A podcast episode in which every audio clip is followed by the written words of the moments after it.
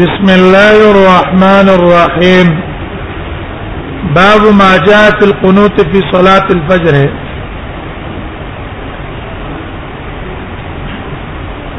قنوت په قسمه دی یو ته لکی قنوت نازله یو ته لکی قنوت مستمره د شوافی او مذهب ته دی چې قنوت ته وتر بم سار مانځ کې او په دې حدیثونو باندې استدلال نه ولای چې رسول الله صلی الله علیه وسلم سار مانځ کې قنوت وره ده کان یقنط فی صلات الصبح والمغرب زم مذهب د جمهور علما ده جمهور علما یو قنوت نازله ده یو قنوت مستمره ده منوت مستمره دا په وتر کې ویل پکار دي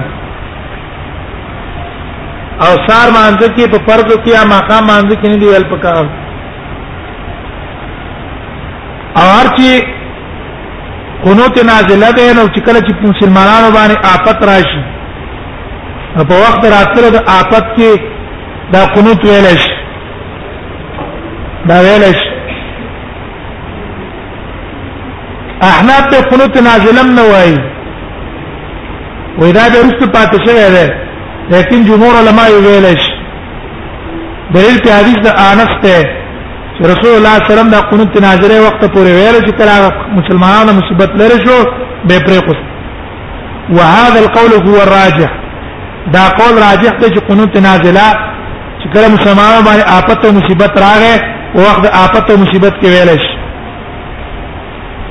کان یقوت فی صلاه الصبح والمغرب قنوت نازله به سار او مانځ کې او ماقام کې په دې باب کې د علی نه انس نه به هريره ابن عباس نه قطاب ابن ايمان اما ابن رحبه الغفارنا دا غنم قول نقل له قال ابو سعيد حديث بر حديث رسول صحيح ده وقت الفعل علم في القنوت في صلاه الفجر علماء اختلاف ته سار سن سار مانزه کې په قنوت کې دا قنوت په سار مانزه کې وای کنه به فرابا علیه رسول النبي صلی الله عليه وسلم وغيره بعض اصحاب د نبی صلی الله علیه وسلم نورو کسان په تابعین کې هغه القنوت في صلاه الفجر سار مانزه کې به سم قنوت وای مسلمانانو باندې آفت یو کنه وي او قول الشافعي دا شافعي قول له وقال احمد اسحاق امام احمد اسحاق واي لا يقنط في الفجر الا عند نازله جنا قنوت نازله بصار تم کې صرف وخت مصیبت کې بوي تنزل بالمسلمين چې دا مسلمانانو باندې مصیبت راشي اذا نزلت نازله کله چې مصیبت راغې للامام امام لدا پکار دی ايدعو لجيوش المسلمين چې مسلمانانو لخر الله دعاګانې کوي باب فی ترک القنوت باب دا نه ترک قنوت کې دا د دې لپاره دلیل دی دا منه سار مان دی ابي مالک الجهوي ما خپل پلار ته ویل یا پلار انك قد صليت خلف رسول الله دا مونږ کړه رسول الله صلی الله علیه وسلم پسې ابو بکر پسې عمر پسې عثمان پسې علي بن ابي طالب پسې ها غنا بالکوفه او دلته په مکه کوفه کې مر علي چې دلته د کوفه مشهور امیرو تا پسې مونږ کړه ها غنا بالکوفه نحو من 50 سنين تقريبا من خمس سنين پنځه کاله اکان یقنطون ایدی په سار باندې کې قنوت ویلو قال غلی بني محدث اے بچیا دا څوک چې وی دا بدعت ته دیو نه ویل خدا محدث کوم قنوت ته قنوت مستمره هر چې قنوت نازله ده خو محدث نه ده کنه حدثنا صالح بن عبد الله ابي بكر جي بهذا الاسناد فهو بما راه قال ابو سعيد هذا حديث حسن صحيح ولا بد عند اكثر علم اکثر علماء قول لا دي قنوت نازله وا او وخت مصیبت کې عام اوقات کې اثر باندې کې نه ہے سفیان ثوری وايي ان قنت في الفجر فحسن کثار باندې کې قنوت ویل ډیر خلا فإن لم يقنط قوم نه فحسن واختار ان لا يقنط وير قنوت نه دی ویل پکار ولم يبن مبارك القنوت في الفجر اذا لا مبارك مشار کې به قنوت نه وي دا د احناف مذهب هم ده قال ابو سعيد مالك الجهيد بن خپل سعد بن طارق بن هشام ده لیکن موږ ویل چې نه په وخت قنوت نازله کې منسوخ شوی نه ده سار مانځ کې اوسه ویل شي با ما جاء في الرجل يعطش في الصلاه زړه په مانځ کې پرنجي وکي ځان له الحمدلله ویل شي ځان ته توي الحمدلله ویل شي دا مسلم ابو داود کې بیان شو صليت خلف رسول الله رفاعت نرات الزرقي هغه د خپل ان عم ابي د پلار د ترنا چې معاذ بن رفاعه ده هغه روایت نقل کړي هغه د خپل پلار نه رفاعه ده قال صليت خلف رسول الله صلى الله عليه وسلم فاتس ما نبی سم په مونږ وکړلو پرنجه مې وکړلو وقلت الحمد لله حمدا كثيرا طيبا مباركا فيه الحمد لله الله الحمد ډیر طيبا پاک حمدنا مبارکا فيه چې بده کې برکت چولې شي مبارکن علی او برکتم په چول شي باران کما يحب ربنا ويرضى دا چې حمدنا جز من ربي خوخي او په خوشالي فلما صلى رسول الله صلى الله عليه وسلم انصرف نبی صلی الله علیه وسلم کو مونږ کو رسول الله صلی الله علیه وسلم راوګرځیدل فقال من المتكلم بالصلاه مانځ کې چا خبر وکړي فلم يتكلم احد چا جواب ورنکو ثم قال ثانيه بهم ذرياله من المتكلم في الصلاه فلم يتكلم حتى جاء خبر ونكر ثم قال الثالث من المتكلم في الصلاه فقال رفاعه بن رافع بن ابن عفراوي انا يا رسول الله ما اقتل قال كيف قلت تدويل قال قلت الحمد لله حمدا كثيرا طيبا مباركا فيه مباركا عليه كما يحب ربنا ويرضى النبي صلى الله عليه وسلم هو الذي نفسي بيده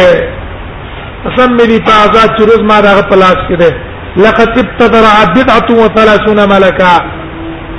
او یا ته د پاسه دیرش ملائکه ترال دا دیرش ملائکه ته ذکر راغلي چې دا تقریبا دا کلمات په کې دونه جوړیږي کنه ايهم يصاد بها كما يقيجي في الباب انا فوائد ابن حجر وابن ابن ربيعه هغه په روایتونه نقل لري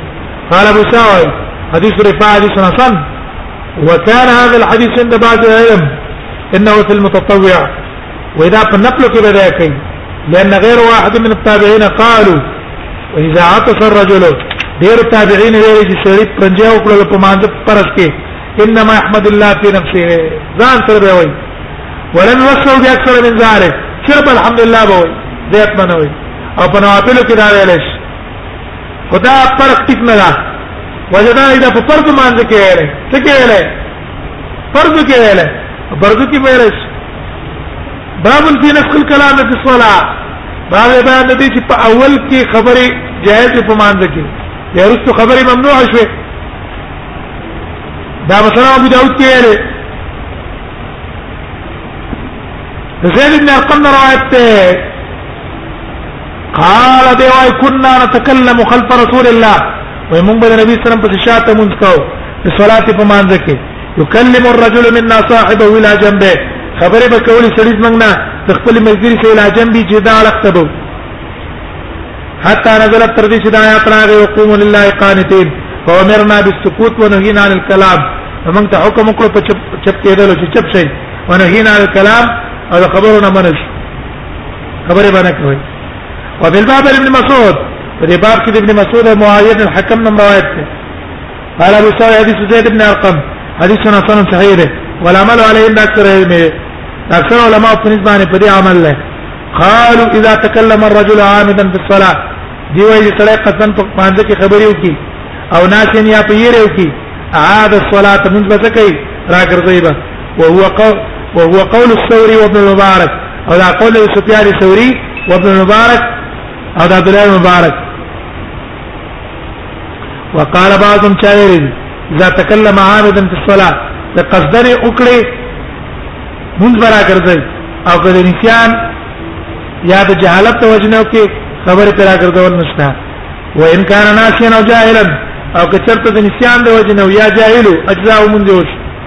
دا قول امام شافعي دی دا ما جاء في صلاه عند التوبه یو سړی نه ګناه وشو او دې ګناه نه توبه وباس او دې توبه ته کې مونږ کوي دا مونږ له سره دا ولا جائز دی دا په صلاه عند التوبه ته توبه په وخت کې مونږ کوي دا دا مونږ له سره دا ولا جائز دی انا علي بن ربيعه على سعد بن الحكم الفزاري قال سمعت علي يقول اني كنت رجلا وزي سره ما اذا سمعت من رسول الله حديثا النبي صلى الله عليه وسلم حديث تقبل وارد نفعني الله منه بما شاء ينفعني به وي الله ما ته پیدا راکړه دا غنه بما شاء چې کوم بد الله خو خو عین فانی به چې والا په پیدا راکړي واذا حدثني رجل من اصحابه وذكر ما ته سري حدیث بیان کو د اصحاب النبي صلی الله علیه وسلم نه استحلبت با مولا قسم ورکو د پاره د تاکید چې رښتیا وایا قسم وکړه رښتیا د رسول الله نه ویلي د پاره د تاکید غرض دا ده فاذا حلف لي کله به چې ما ته قسم کوم د تصدیق کو هو انه حدثني ابو بکر ودا دې پات ابو بکر بیان کړه و ابو بکر له ځکه قسم نه ورکړ چې هغه ماته رښتینه ده وصدق ابو بکر ابو بکر رښتیا وایي سمعت رسول الله صلی الله علیه وسلم یقول ما من رجل نشته یو سره یې نه وزم باندې ګناو کې په ګنا ثم يقوم بپاتېږي فيتطهر او دسو کې ثم يصلي بمنځ کې ثم يستغفر الله يبخنا الله نه غواړي الا غفر الله له الله بغت بخنو ثم قرأ هذه الآية بآيات ولسل والذين إذا فعلوا فاحشة أو ظلموا أنفسهم دا کسان دي إذا فعلوا فاحشة چې کله ګناه وکړي او ظلموا أنفسهم یا ظلم وکړي په خپل ځان ذکر الله مسوکی الله را یاد الى اخر الآية وفي الباب بن مسعود دې باب کې د عبد الله بن مسعود نه ابي دردانه انس نه ابي امامه معاذ نه واصله او ابي اليسر دې ټول روایت نقل لري او دا ابو یوسف نوم چې ده کنه دا خپل نوم کعب ابن عمر ده قال ابو عيسى حديث علي حديث حسن ده لا نعرف الا من هذا الوجه من حديث عثمان بن المغيرة او روى عنه شعبة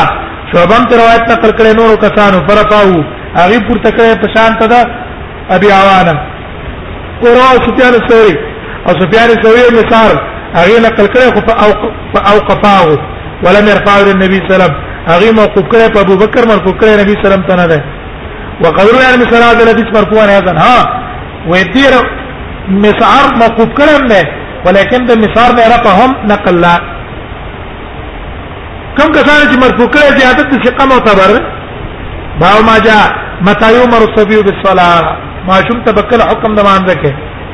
دا مثلا ابو داود کې تیر شوی قال رسول الله صلی الله علیه وسلم علم الصبي الصلاه ابن سبع سنين وتاسو خیر ما شومان ته مونږ چې د وو کالو وضربوه على ابن عشر او وی او چې له سکالو شو نظر پار چې عادت حضرت ابن عمر رم روایت ده دقه نقل له پرې باب کې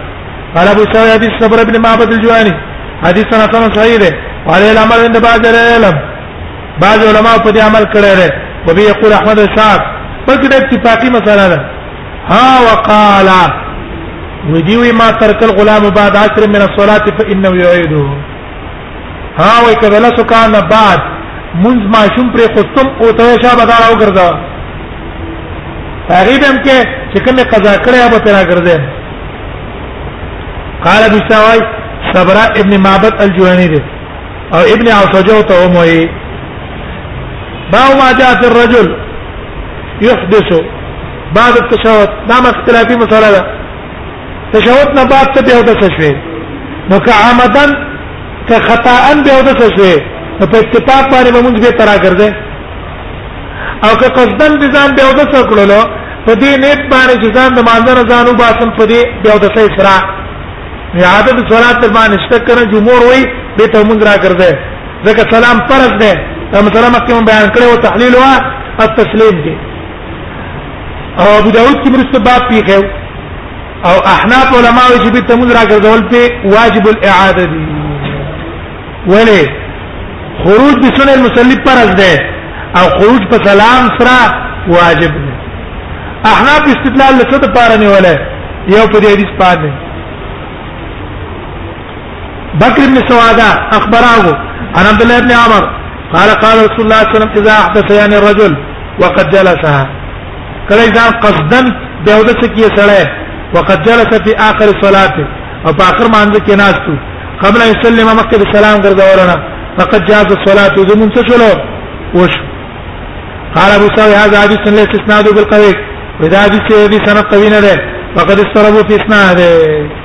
دغه په سند کې دي څه چي مسترب شوی دي وقد ذهب بعض العلم الى هذا وبعض علماء دي حدیث باندې قول کړي قالوا غي واي اذا جلس مقدار التشهد چې سره په مقدار تشهد تشهد باندې کې نه استل واحدث به وبشو قبل ان يسلم فقد تمت صلاته مکه السلام درځولنا فقد تمت صلاته د مونږ شروع د مونږ پرش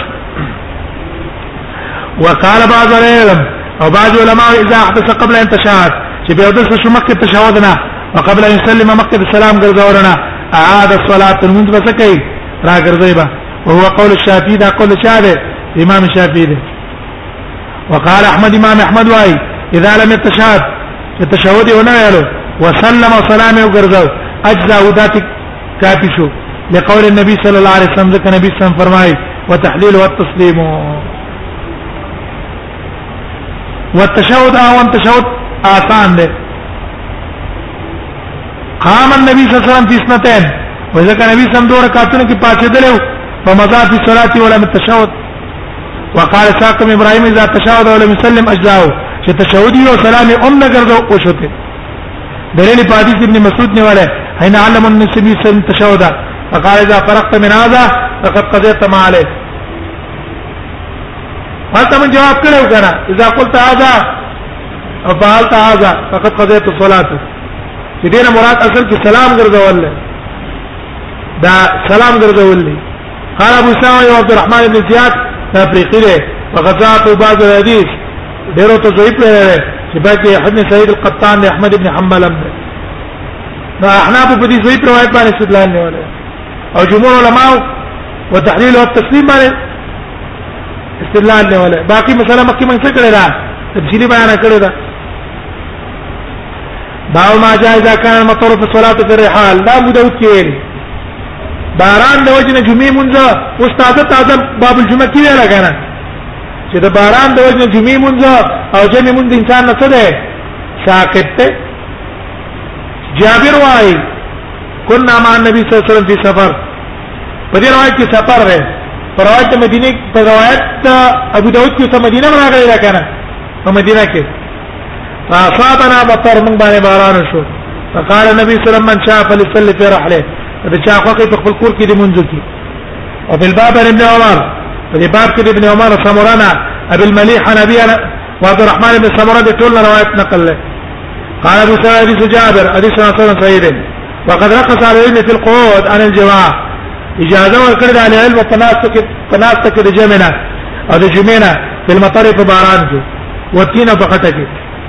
غیر دی وجنه جمع پر قتل شي جمع پر قتل شي دا قول دی امام احمد اسحاق ده قال سمعت ابا ذر يقول روى عفان بن مسلم عن عمرو بن علي حديثا وقال ابو ذر لمر بالبصره احفظه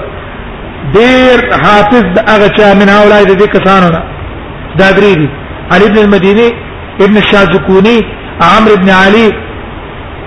وابو طليح ابن اسامه ويزن عامر ده او زيد ابن اسامه ابن عمر الهجري ته هم وي با ما جاء في التسبيح في اخبار الصلاه فرض ما زره بعد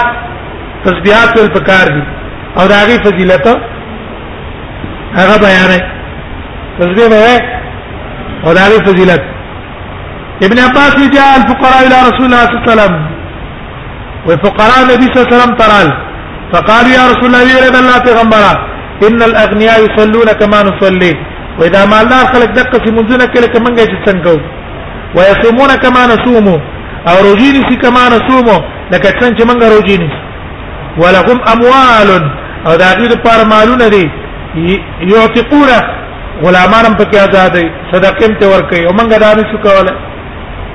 اے الله نبی دا به څنګه کیږي ډیر معلوم شي صحابه په منځ کې تسابق پسو په الخيرات خار نبی صلی الله علیه وسلم ته څه کوي فاذا صليتم فقولوا چې کله منځ کو نو واوي سبحان الله 33 مره دریش کرته دا ګوره دا تسبیحات څلور طریقې به کې راغلي یو روایت کې لس تذکرہ تر راغلي زر زر تعدید لس تذکرہ دی وایا دیم روایت کې پندیش پندیش کرا تر راغلي دیمه طریقه نام صحیح ده دریمه طریقه درې دې ذکر سبحان الله درې دې ذکر ته الحمدلله څلور دې ذکر ته الله اکبر څلورمه طریقه درې دې ذکر سبحان الله درې دې ذکر ته الحمدلله درې دې ذکر ته الله اکبر وقال تمام المئه سلام کرتے بلا الہ الا اللہ کو وحده لا شریک له له الملک وله الحمد هو على كل شيء قدير قدیر دا پورا کې وی فقول سبحان الله 33 مره درې دې کرتے سبحان الله وای والحمد لله 33 مره الحمد لله درې کرتے وای الله اکبر 34 مره او څلور دې کرتے الله اکبر وای ولا اله الا الله 10 مرات ولا اله الا الله کرتے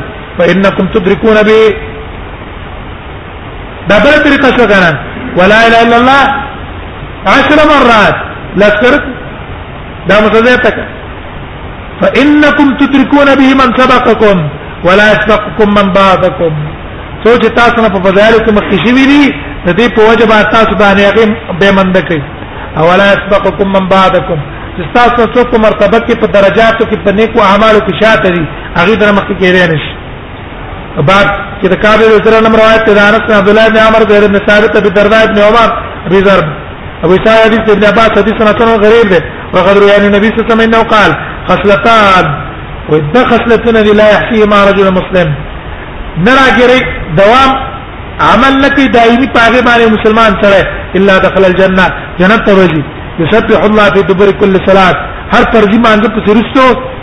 درې د شکرت الله اکبر درې د شکرت الحمدلله ويكبر 34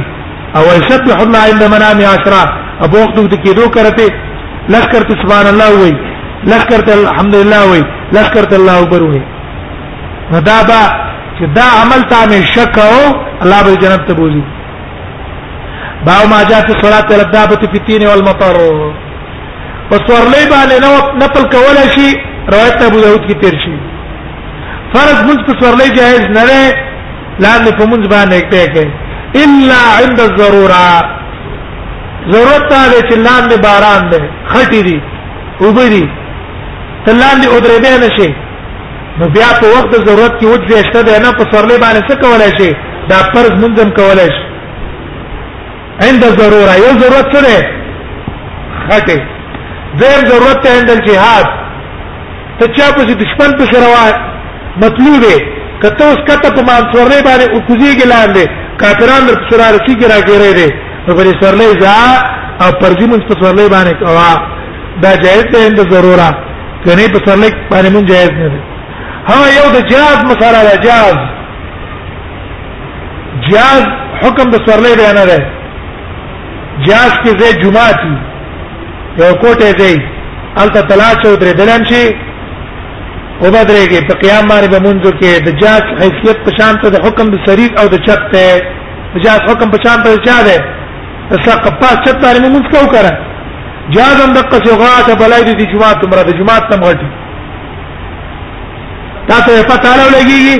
چې جاز کې پټلونو مالي پټلونو دا مالونه په کې بار کړی هغه به را غورځي نو تا ته پته وي دا څونه شی ځان کې راځي کړه رلان دې ځای کې او پاس 1500 300 سورلې دا ځان توري اول ته کوز کی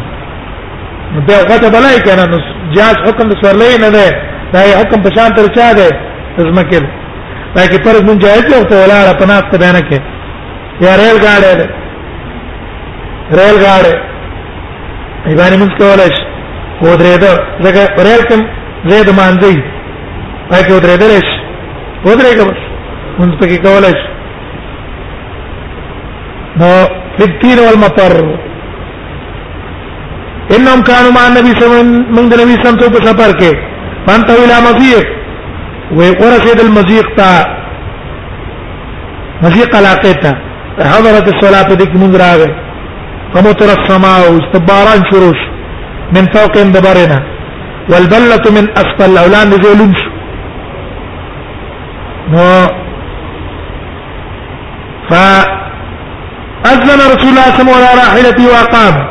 نبی صلی الله علیه وسلم اذان کو ابو سره باندې معنی حکم کو چې اذان وکړه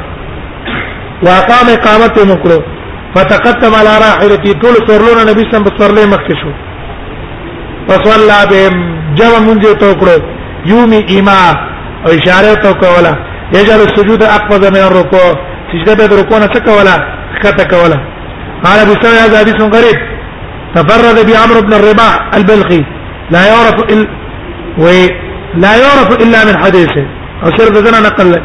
وقد روي عن غير واحد من العلم وكذا روي عن انس بن مالك